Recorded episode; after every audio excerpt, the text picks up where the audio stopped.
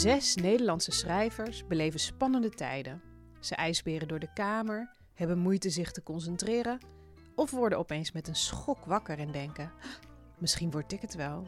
Op 9 mei weten we het wie de winnaar is van de Libris Literatuurprijs. De VPRO-gids ging langs bij zes collega's uit de culturele wereld. We vroegen hen om een goed woordje te doen voor hun favoriete genomineerde boek. In deze aflevering schrijver Manon Uphoff.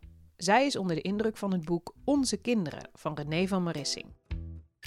Onze Kinderen uh, vertelt het verhaal van uh, dochter Mia, wiens vader overlijdt. En dan staat zij voor de taak om samen met haar zus uh, dat huis waar vader woonde, om dat leeg te ruimen.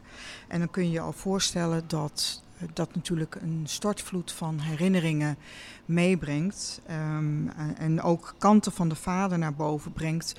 Waar uh, de dochter nog niet eerder heel veel zicht op gehad heeft. Vader uh, dronk uh, behoorlijk wat. En ook zijn er verschillen in hoe de zussen zich het verleden uh, met, met de vader herinneren.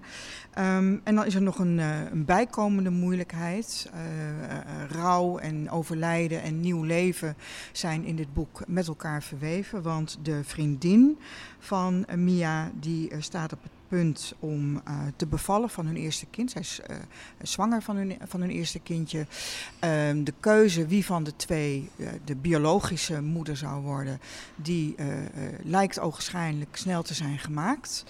dat, zou, dat zou de vriendin worden van Mia, want Mia heeft ja, een, een, een, ingewikkelde band met, uh, met haar verleden en met haar DNA.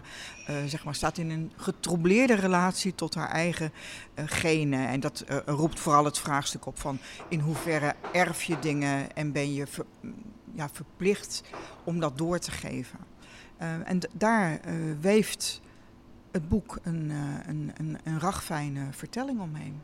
Het thema ouder-kindrelatie is een dankbare thema in de literatuur. Hoe heeft René van Marissing daar haar eigen draai aan weten te geven? Of haar eigen stem in weten te vinden? Um, nou, ik heb geprobeerd daar dat enigszins te, uh, te duiden. Want ze doet dat op een hele um, tedere manier, bijna als, als met een potloodtekening, waar, waar je dan de lijntjes ook weer enigszins uh, uitwrijft. Het is nergens hard. Uh, niet, niet scherp, niet aanklagerig. Dus het is geen afrekening met de vader. Maar het is eigenlijk een heel erg tastend uh, boek. Waarin gezocht wordt naar alles wat, wat eigenlijk niet geleefd is. Omdat de vader dronk.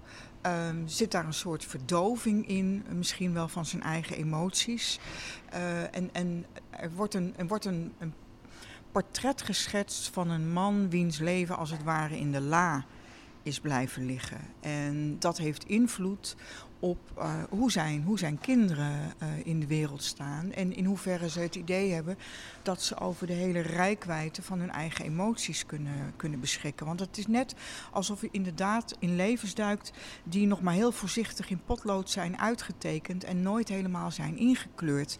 En de, uh, de verteller van het, van het verhaal, of in ieder geval de hoofdpersoon Mia, die is aan het zoeken naar wat, wat, hoe kan ik me uitdrukken en hoe, hoe kan ik ja, eigenlijk het vertrouwen krijgen dat ik over het hele kleurenpalet kan beschikken. Als ik zo heel erg heb meegekregen dat iemand zijn eigen leven, zijn eigen ouderschap, vaderschap eigenlijk niet eens heeft durven onderzoeken en, uh, en neerzetten. En dat vind ik heel erg mooi gedaan, eh, uh, maar ook melancholiek.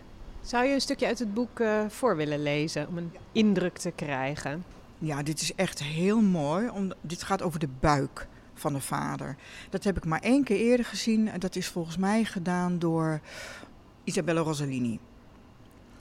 Isabella Rossellini heeft een documentaire gemaakt over haar vader. En er zitten beelden in dat zij als kind over de bolle buik van de vader kruipen. Als, als kinderen.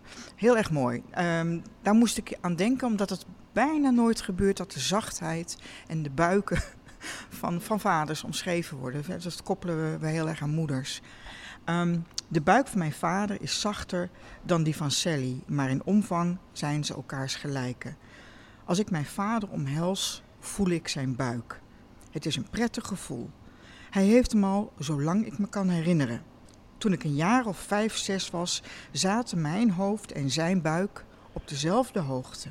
Als ik dan mijn armen om hem heen sloeg, lukte het niet mijn handen elkaar te laten raken. En als ik mijn oor tegen zijn overhemd drukte, kon ik soms de geluiden binnen in hem horen. Sinds een jaar of twintig scheelt het nog maar een paar centimeter in lengte tussen hem en mij. Als je een ei op je hoofd zet, zijn we even lang, zei hij. Ze zitten naast elkaar op de bank, mijn vader en Sally, twee blote buiken. Ze hebben hun kleren omhoog getrokken. Ze lachen naar elkaar, naar mij, naar de telefoon waarmee ik een foto maak. Word je weer opa? zeg ik. Mijn vader kijkt op van zijn menukaart. En met, uh, met wat voor gevoel liet het boekje achter toen je het dichtklapte?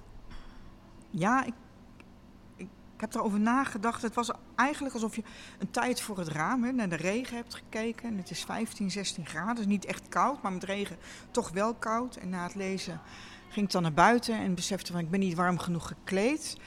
En toch gaf het boek heel erg het gevoel dat je verwarmd werd. En dat vind ik een buitengewoon knappe prestatie. Nu weet jij zelf hoe het is om uh, genomineerd te zijn voor de Libris. Het is alweer twee jaar geleden, geloof ik. Hoe, hoe zijn die weken tussen de uh, bekendmaking van de shortlist en de, in de uitslag? Ben je er dan voortdurend mee bezig? Ja, het is een marteling. Uh, ik denk dat er geen schrijver is die het niet zenuwslopend vindt. Misschien ook wel een beetje last heeft van het idee van dat er een soort competitie plaatsvindt. Een race waarin dan het beste uh, boek een sprint moet gaan trekken en dan, uh, dan gaat winnen. Um, en dat vind ik er zelf als auteur het minst leuke aan. Uh, het mooiste is natuurlijk als je gewoon kunt genieten van de aandacht voor, voor het werk wat je hebt gemaakt.